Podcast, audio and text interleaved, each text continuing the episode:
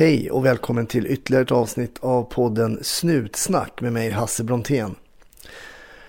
För er som har Snutsnack på Facebook så har jag lagt in en liten blänkare där om att jag gärna välkomnar ett litet bidrag via Swish. Jag har det här avsnittet till exempel varit uppe i Umeå och träffat Åsa och eh, resor och sånt där kostar. Jag har fortfarande ingen spons på podden. Så vill man bidra så är det givetvis helt frivilligt så får man göra det. Och då är det på Swish 070-753 6875. 070-753 6875.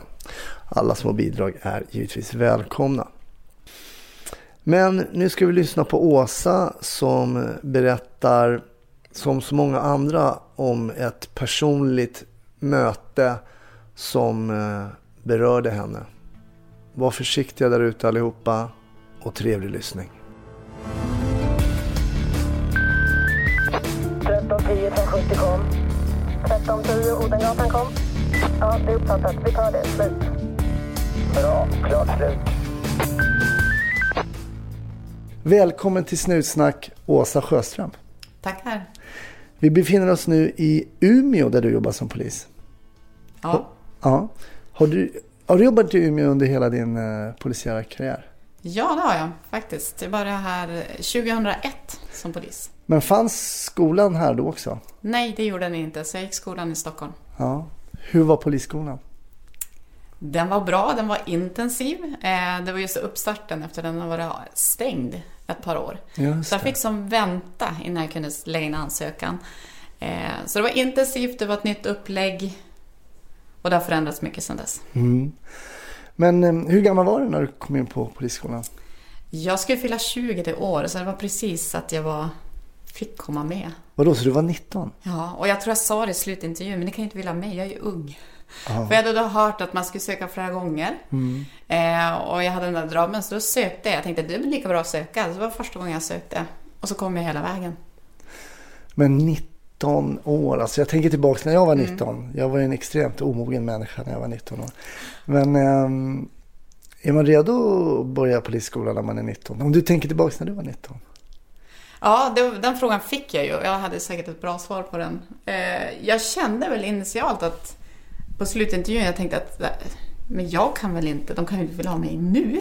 Mm. Och jag vet, jag sa det och sen såg de konstigt på mig och så kände jag så här, sa jag det där högt? Ehm, men sen så var det väl att jag hade gjort ganska mycket. Ehm, läst, jobbat extra. Ehm, mina föräldrar drev ett eget företag som jag hjälpt till med sen så länge jag kunde minnas. Mm. Varit ute och jobbat då och träffat folk genom företaget och sånt där. Så att jag hade ganska mycket med mig. Men givetvis ser man tillbaka nu så tyckte jag att jag, det var en väldigt ung tjej då. Hur var det? Hur var det då att komma ut som ung? Vi kan, nu lyssnarna ser inte hur du ser ut men det är en blond svensk eh, tjej. Eh, hur var det? Hur blev du mottagen när du kom ut? Jag trodde ju först när man kommer ut att ingen kommer ju tro på mig.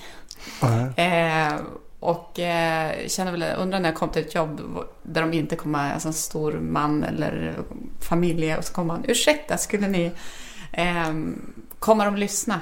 Eh, Att man som liten ung tjej kommer sådär. Eller liten, nu är jag ganska lång person men ändå, man kände sig liten. Eh, men det, jag upplevde aldrig det, utan jag växte nog in i rollen och sen blev jag, någon gång blev jag så lite häpen, men du, du tystnade ju faktiskt och lyssnade på mig. Sen har man ju upplevt det motsatta också, givetvis. Men då blev det. kanske inte berott på att jag var, att det var jag. Och i vissa fall säkert det också. Men hur blev du bemött då om jag tänker av eh, dina handledare och eh, dina poliskollegor när du kom ut och ändå är så ung? De som till exempel var då kanske runt 40-50 år. Hur, hur, Ändå bra måste jag säga. Sen kände man sig, och så hade jag förmånen att jobba med, med många äldre. Mm. Alltså de hade erfarenhet. Eh, en del var gråhåriga och hade... Oj. Ja, till skillnad som det inte ser ut idag eh, på IGV. Utan så att det kändes ganska tryggt. Mm. Eh, så att, eh, ja, bra. de tog hand om mig bra tycker jag ändå. Men visst kände man sig ganska ung, det gjorde man. Och visst, att kliva in i den polisvärlden är ju ändå en annan värld att vara i. Var den världen som du trodde att den skulle vara? Ja, jag tror... Jag vet att det är mansdominerat yrke. Eh, så det hade jag nog förstått. Och jag tycker jag ändå blivit mött bra och haft det bra. Eh, och eh, jo, mycket var som jag trodde att det skulle vara. Vad hade du för, för tankar då när den här 19-åriga tjejen kommer in på polisskolan? Visste du vad du ville göra? För det finns ju många liksom yrken mm. inom polisen. Visste du att, ville du ha någon speciell inriktning redan då eller? Det, alltså jag såg nog bara utryckningsverksamheten, alltså IGV, okay. som det heter idag.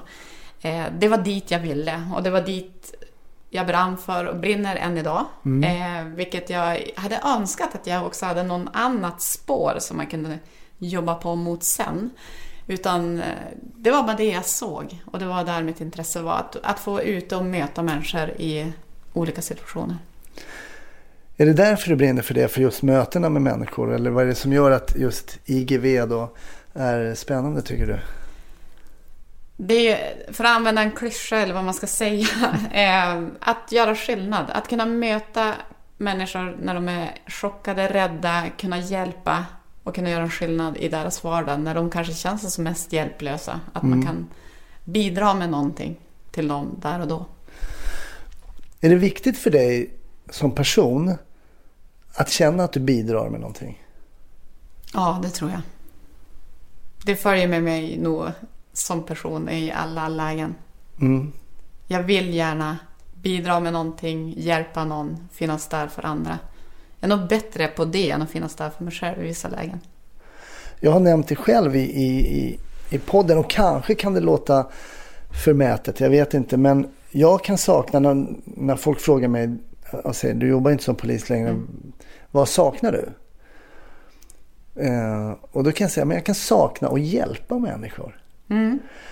Därför det ger mig någonting och det, det är ju någonting jag vet inte om det är egoistiskt men det, det, det är kanske precis tvärtom. Att man kan komma hem och känna att man har verkligen gjort skillnad som du säger. Ja. Eh, kan du känna så också? Absolut. Ehm, och nu idag jobbar jag inte aktivt på IGV. Nej. Trots att det var dit jag ville. Mm. Ehm, så har livet lett mig på andra vägar sådär. Ehm, och jobbar på polisutbildningen idag. Okay. Mm.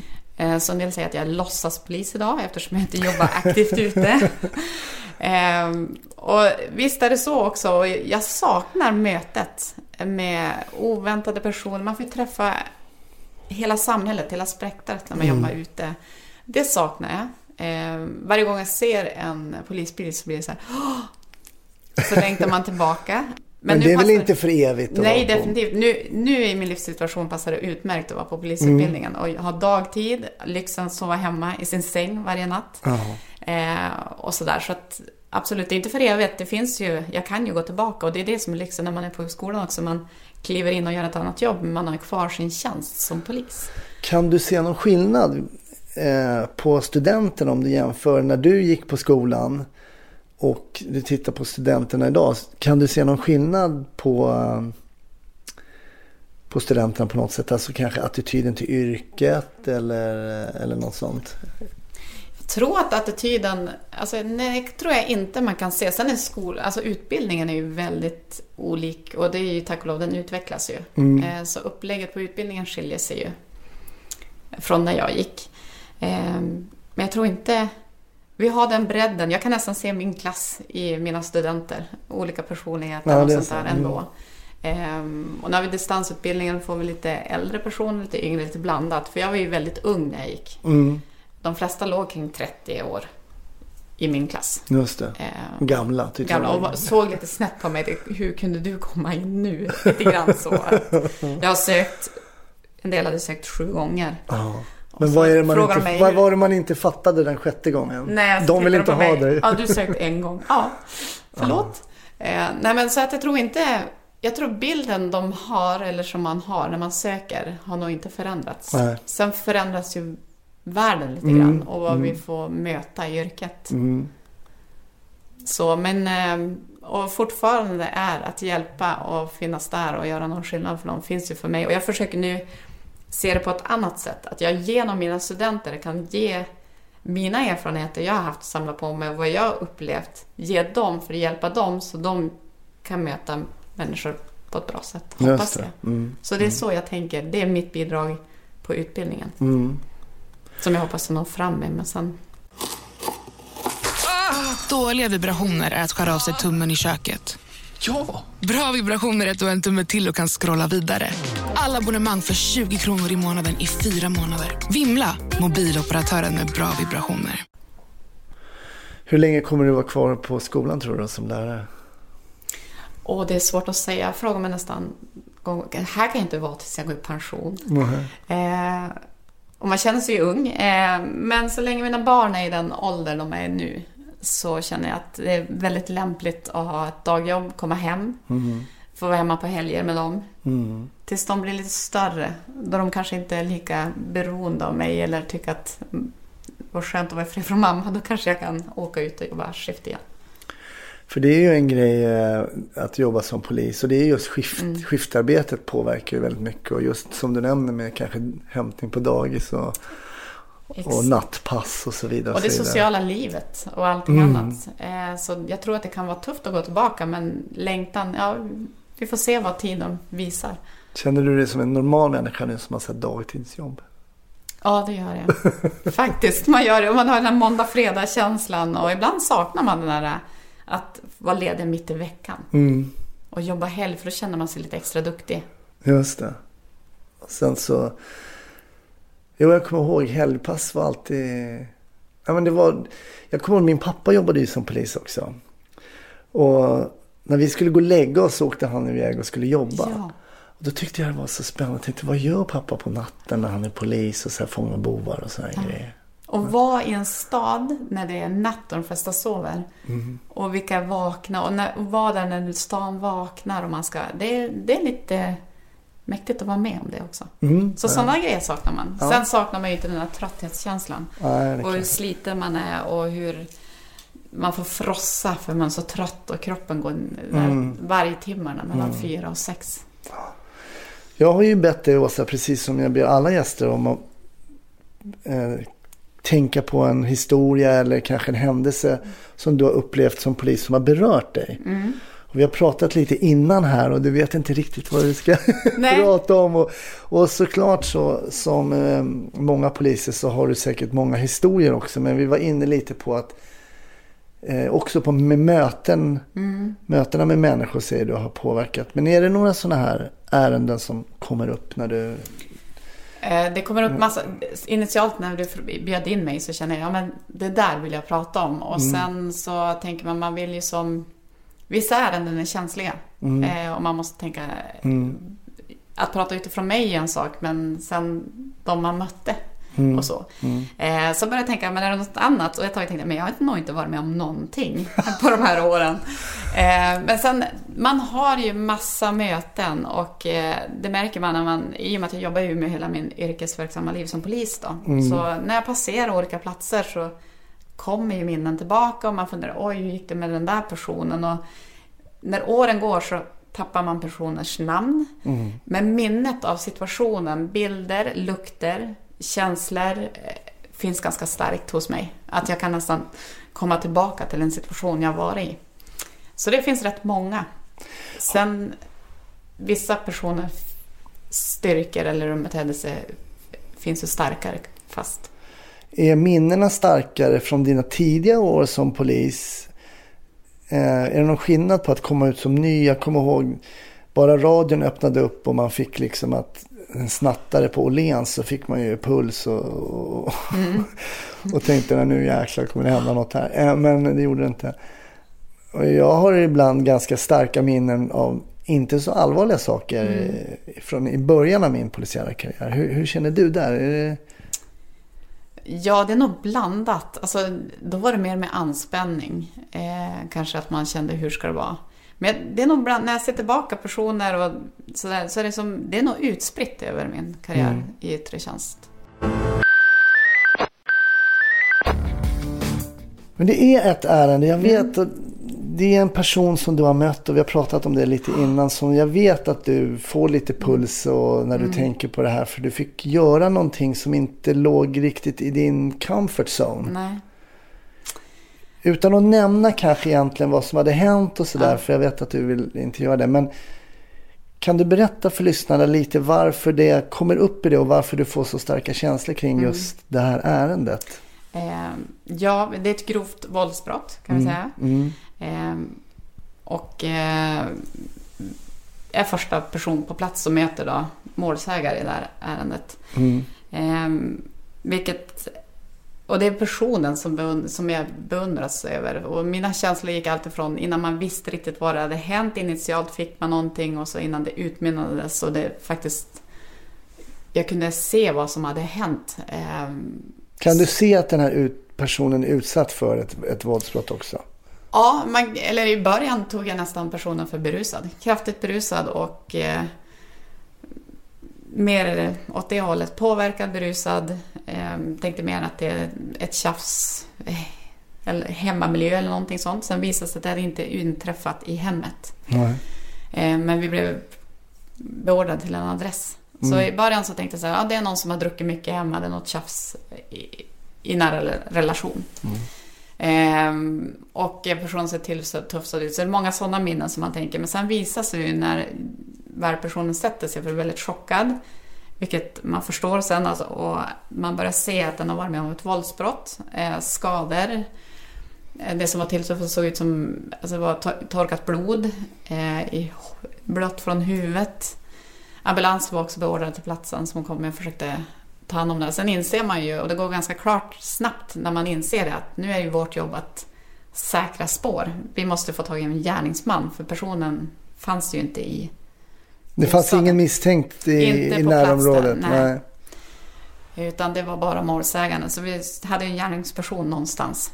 Eh, och- så då ropade man tillbaka och berätt- berättade för andra patruller att vi ska åka två. Ja, vi skulle egentligen åka nummer två på plats, men vi hamnade först.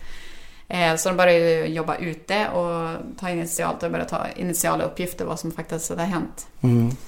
Eh, och just den här styrkan hos den här personen som har varit med om något så pass grovt våldsbrott pendlar från chock, från den här skärpan och är väl, blir väldigt medveten om att vi gör det här för att vi ska få fast personen som har gjort det här mot dig. Mm. Eh, vilket hon var då väldigt medveten om att, alltså hon hade en klarhet i det. Hon förstod att jag ska, det var som att man såg i hennes blick att okej nu ska jag ge det här och jag ska försöka minnas så mycket som möjligt för att ge oss signalement. Mm. För att ge oss det jag försökte förklara vad vi behövde.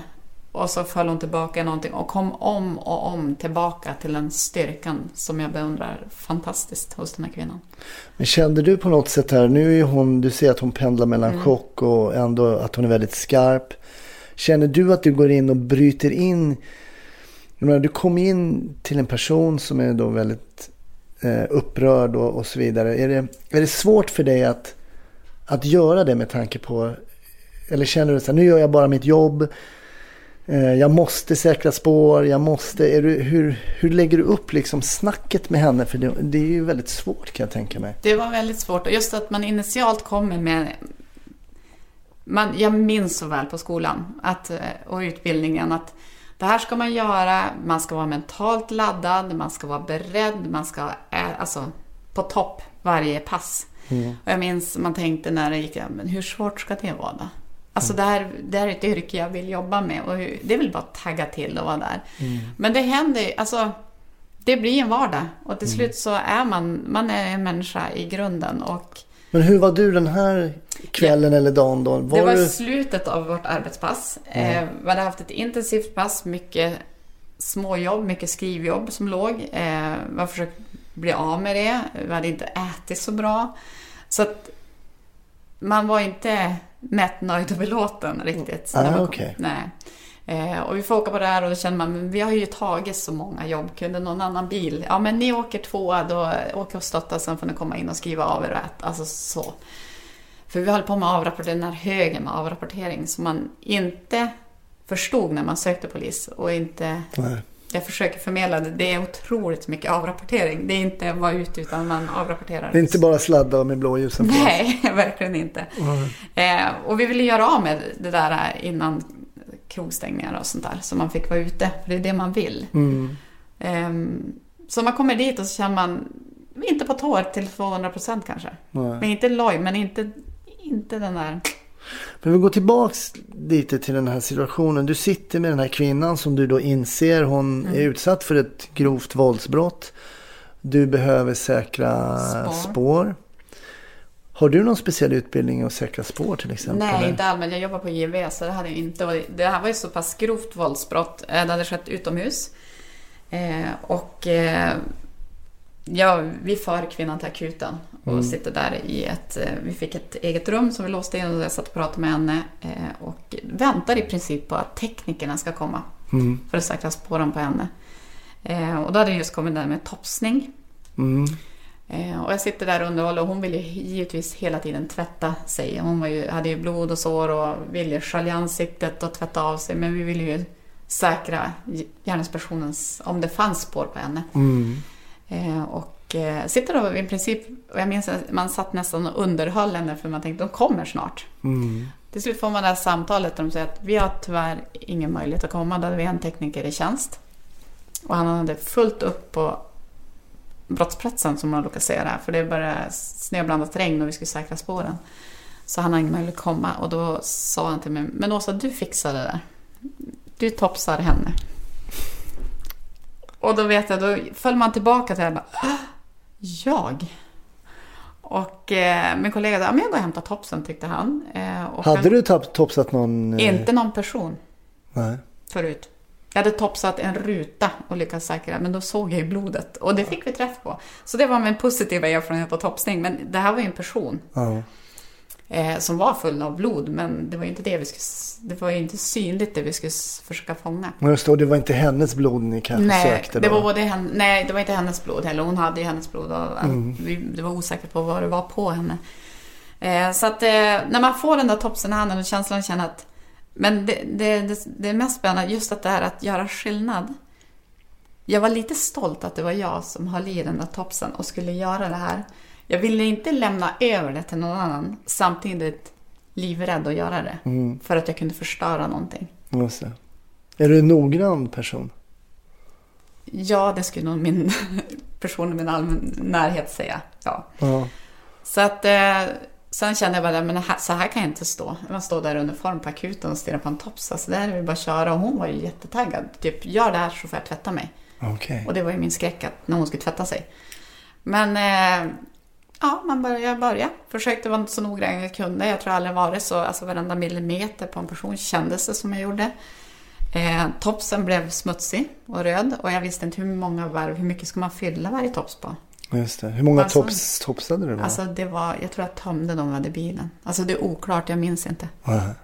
Men jag hade nog gärna fortsatt hela natten. Men till slut kom man till gränsen, det här går ju inte. Nu måste du ge dig Åsa. Alltså nu har du gjort ditt. Ja. Eh, och hon började som, det syntes på henne också att nu är jag nöjd. Så. Mm. Eh, och det var just eh, under det skadade området och så här, försöka få, få allt topsat. Så när jag står där med topsen bara, är du klar nu? Och jag tror när jag kom en gång, sen kom är du klar nu? Då kände jag att, ja, vare sig jag vill eller inte så måste jag vara klar nu. Mm. Och när jag säger det till henne, hennes lättnad, att typ, hon som var ändå som så pass omtöcknad av det här, Mm. reser sig snabbt från britsen tycker jag, flyger till det här tvättstället som stod, startar kranen och ljudet och när jag ser hur hon sköljer ansiktet och kroppen, alltså hur det rinner, jag känner bara CSI tror jag gick på TV då, men jag såg bara, där for Alla Spåren. bevis. alla bevis ute av lappet, när det är kört. Vet du vad som hände sen med, med resultatet av det här? Ja, det här skedde ju början av en månad och eh, det kom, den här anspänningen förstod nog inte jag hur stor den var på mig. Eh, utan det går en tid, sen kommer tekniker och knackar på hemma hos mig. Alltså Ja, där du Ja, bor? där jag bor. En, jag är ledig, det var en vecka senare eller något sånt där. Då knackar de på. Jag öppnar dörren, men hej, är ni här? För det var inte en kollega som man umgicks med, så jag blev så förvånad. Mm. De bara, du, vi måste ta ett jämförelseprov på dig och topsa dig. Och jag bara, "Ja, Ja, det gjordes ju inte den här natten. Jag bara, nej, nej det stämmer ju. För då hade de hittat spår Från en annan person. från en annan person på den här kvinnan. Eh, och då ville de ju säkerställa att det var, inte var jag. Såklart. Ja. Såklart. Så då fick de, vill du topsa? Jag var nej tack, ni får gärna göra det. Så då tog de i munnen så här jämförelseprov. Och, där, och så gick det en tid till. Eh, och sen eh, när jag är på jobbet faktiskt så kommer tekniker som ringer och säger åt mig att göra det här jobbet. Så kommer han och så knackar mig, jag sitter på ett affisch på jobbet. Eh, så kommer han och knackar mig på axeln. Och så vänder jag mig om och säger bara, hej Åsa, jag måste få ge dig en kram. Jag bara, och jag är en väldigt kramig person så jag bara, ja absolut tänkte jag. Så kramade jag han om, kramade om honom och så tänkte jag, men ändå lite konstigt. Och så när jag ska släppa kramen så tar han mig lite tajtare och håller fast och jag bara, men vad gör du? Han bara, jag har en sak att berätta. Och jag bara, jaha? Och så håller han mig fortfarande så där tajt. Jag hade skyddsväst, och du vet ju hur kramarna blir då, jättemysiga. eh, och han bara, vi har fått träff. Vi har fått träff på din topsning. Vad kände du då? då? Jag vet att jag, orden som sjönk in i mig och så släpper han mig sådär sakta för att titta mig i ögonen eller att vi ska se på varandra. Och jag vet att när han släpper mig och jag som landar på marken, jag känner som att det var som att västen, det var som något tungt som bara rann av mig. Och jag kände otrolig glädje, lättnad. För jag minns så väl när jag stod där och kände den här, kan inte de här topsen lysa? Att det är någonting på dem. Så. Som ett graviditetstest ungefär. Typ, sådär, eller att det kunde lysa neonfärgat. Se, så här, jag vet inte varför jag fick den här bilden, kan det inte bara blinka sådär? Och vet du, den lättnaden och jag kände, ja, jag blev som tårögd. Bara stod, vi stod som jag kramade igen. Och, ja, jag, måste, en, jag måste bara ställa en fråga Mm. där. Eh, för när han säger till dig då så här, men Åsa vi har träff. Men innebär det då att mm, träff på att man har hittat någon annans DNA eller träff på att man har hittat en person då?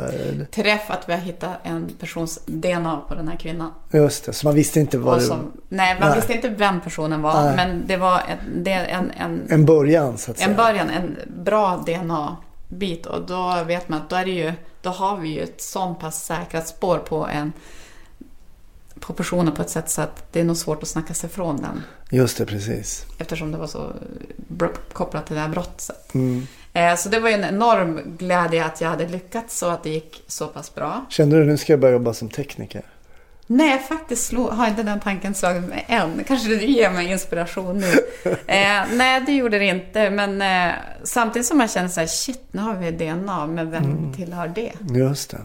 Och så lite grann känslan, det här kommer ju påverka den personen. Jag är ju faktiskt... Men känner du så? Eh, alltså den, en Mm. eventuell gärningsman då syftar du på. Men ja, det är klart. Det kommer det göra om man skulle Mm. hitta en, en gärningsman. Men känner du så att det du har gjort kommer påverka den personen negativt då på något sätt? Eller?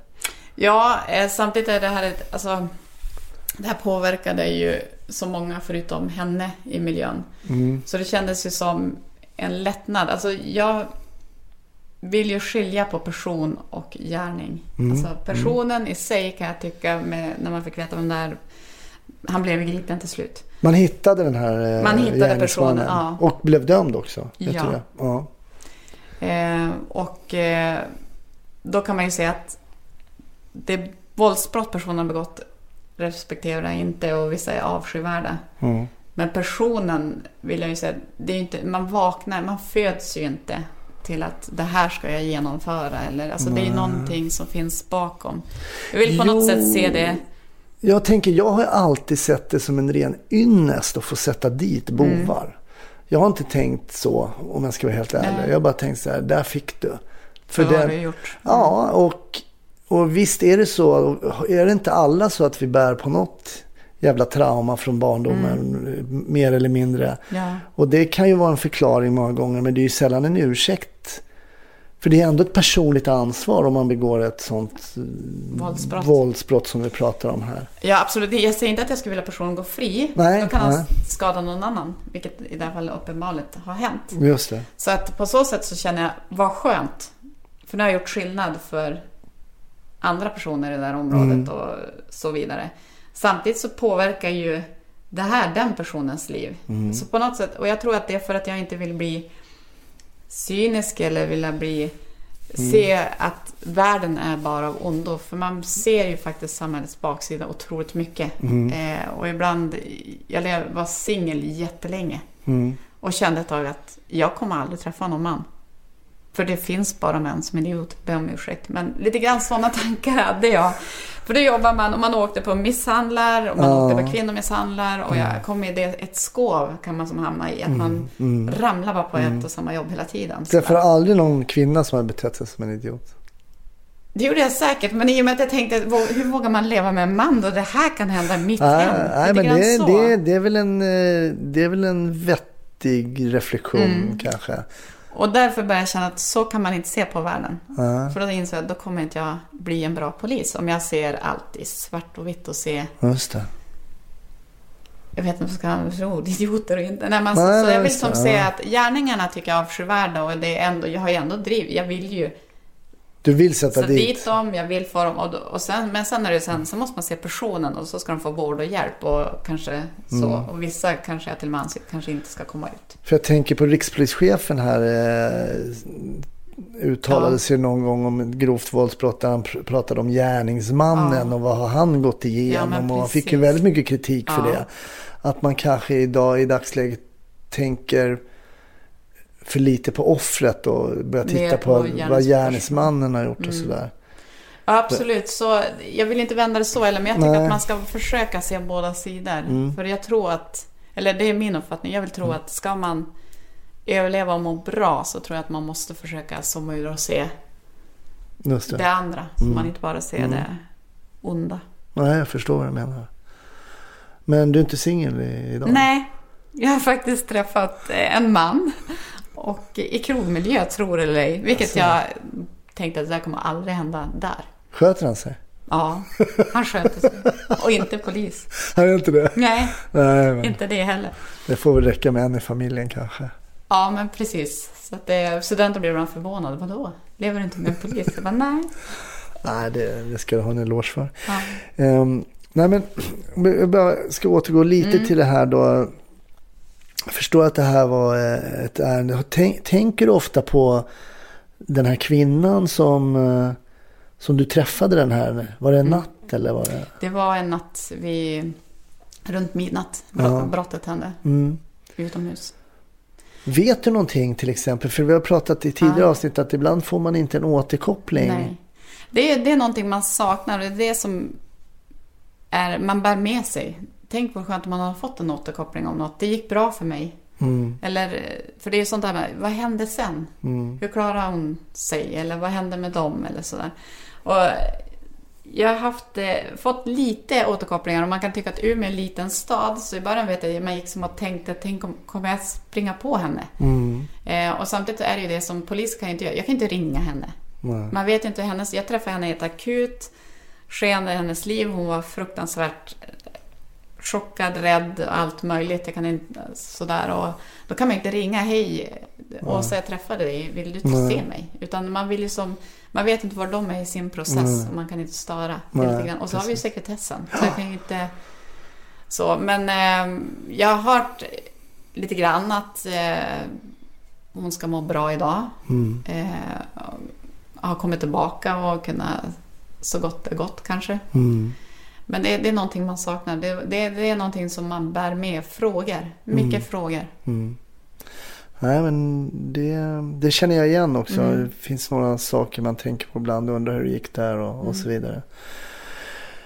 Men det, det är klart det är svårt att få den återkopplingen. Men det verkar vara någonting som är återkommande. Och jag tror att det kanske är viktigt för oss människor att få ibland ett avslut. Eller Ja.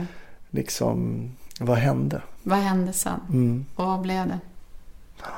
Stort tack för att du ville eh, berätta den historien som man förstår var eh, pulshöjande. Mm. Och eh, var det första gången du kom nära en sån, det, blev, det verkar som att ni hade ett ganska personligt möte här eftersom det nästan bara var du och hon initialt. Ja. Varför blev just det här? För du har väl träffat andra brottsoffer i våldsbrott. Varför, var, varför kom du nära henne där tror du? Ehm, vi jobbade, jag jobbade med en manlig kollega och jag skulle tro att efter det här våldsbrottet eh, var gjort av en man så blev det väl initialt att hon tydde sig till mig som kvinna. Mm. Eh, jag tog också initialt mer initiativ efter min kollega var rätt ung i tjänst då. Okej. Mm. Ehm, och, eh, så det var nog därför. Och så var det att man gick in och satt själv med henne. Eh, sen är, tror jag mycket beror, många tankar är att det var ett ganska uppmärksammad händelse. Eller, där och då förstod jag inte det, men efteråt att det har varit ehm, stort. Men just, det var nog första gången jag såg sådana skador. Mm. Eh, och innan jag förstod att fysiskt, det var som att kliva in i en film. Kan någon person göra så här mot en annan? Och hur lyckas man? Mm. Så jag blev också väldigt... Hon lastades i ambulans och åkte iväg och vi tog polisbilen efter. Mm. Och i bilen var mina känslor då, eftersom jag fick ställa om så mycket, väldigt mycket ilska. Att någon kan ha gjort så här mot en annan person. Det är väl det som förvånar många gånger som polis vad människor lyckas göra mot andra Mm. människor. Och Ja.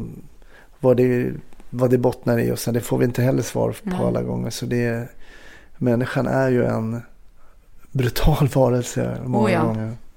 Som gör saker som är inte riktigt man kan förstå.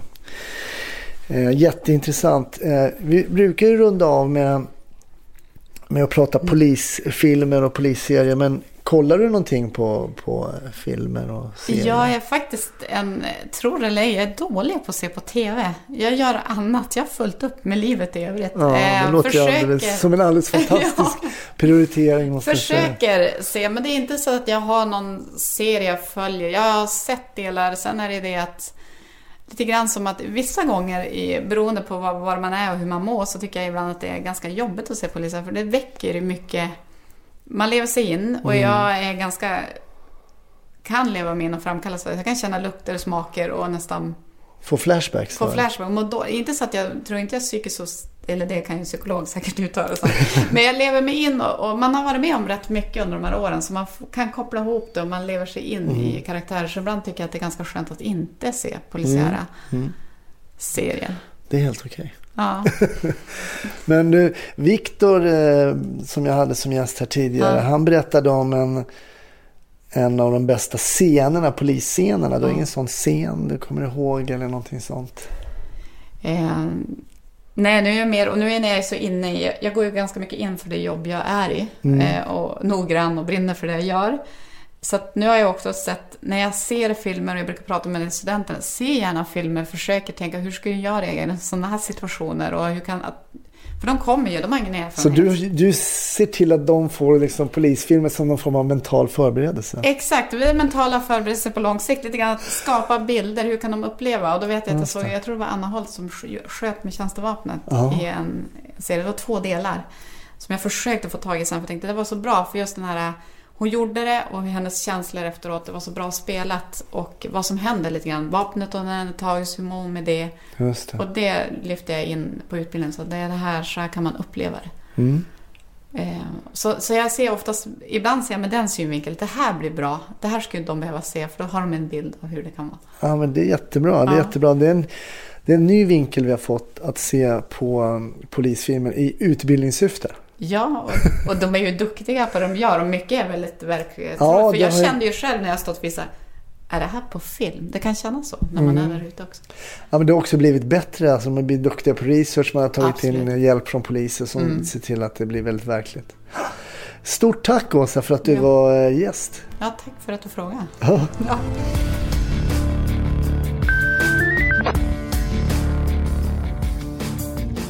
Stort tack för att du lyssnade på ytterligare ett avsnitt av podden Snutsnack med mig Hasse Brontén.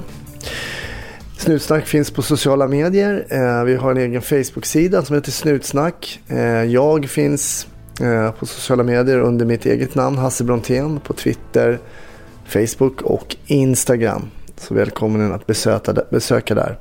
Vill du göra en liten donation via Swish eh, så gör gärna det. Då kan du göra det på 070-753 6875. 070-753 6875. Ha en fantastisk vecka så hör vi, hörs vi nästa. Hej!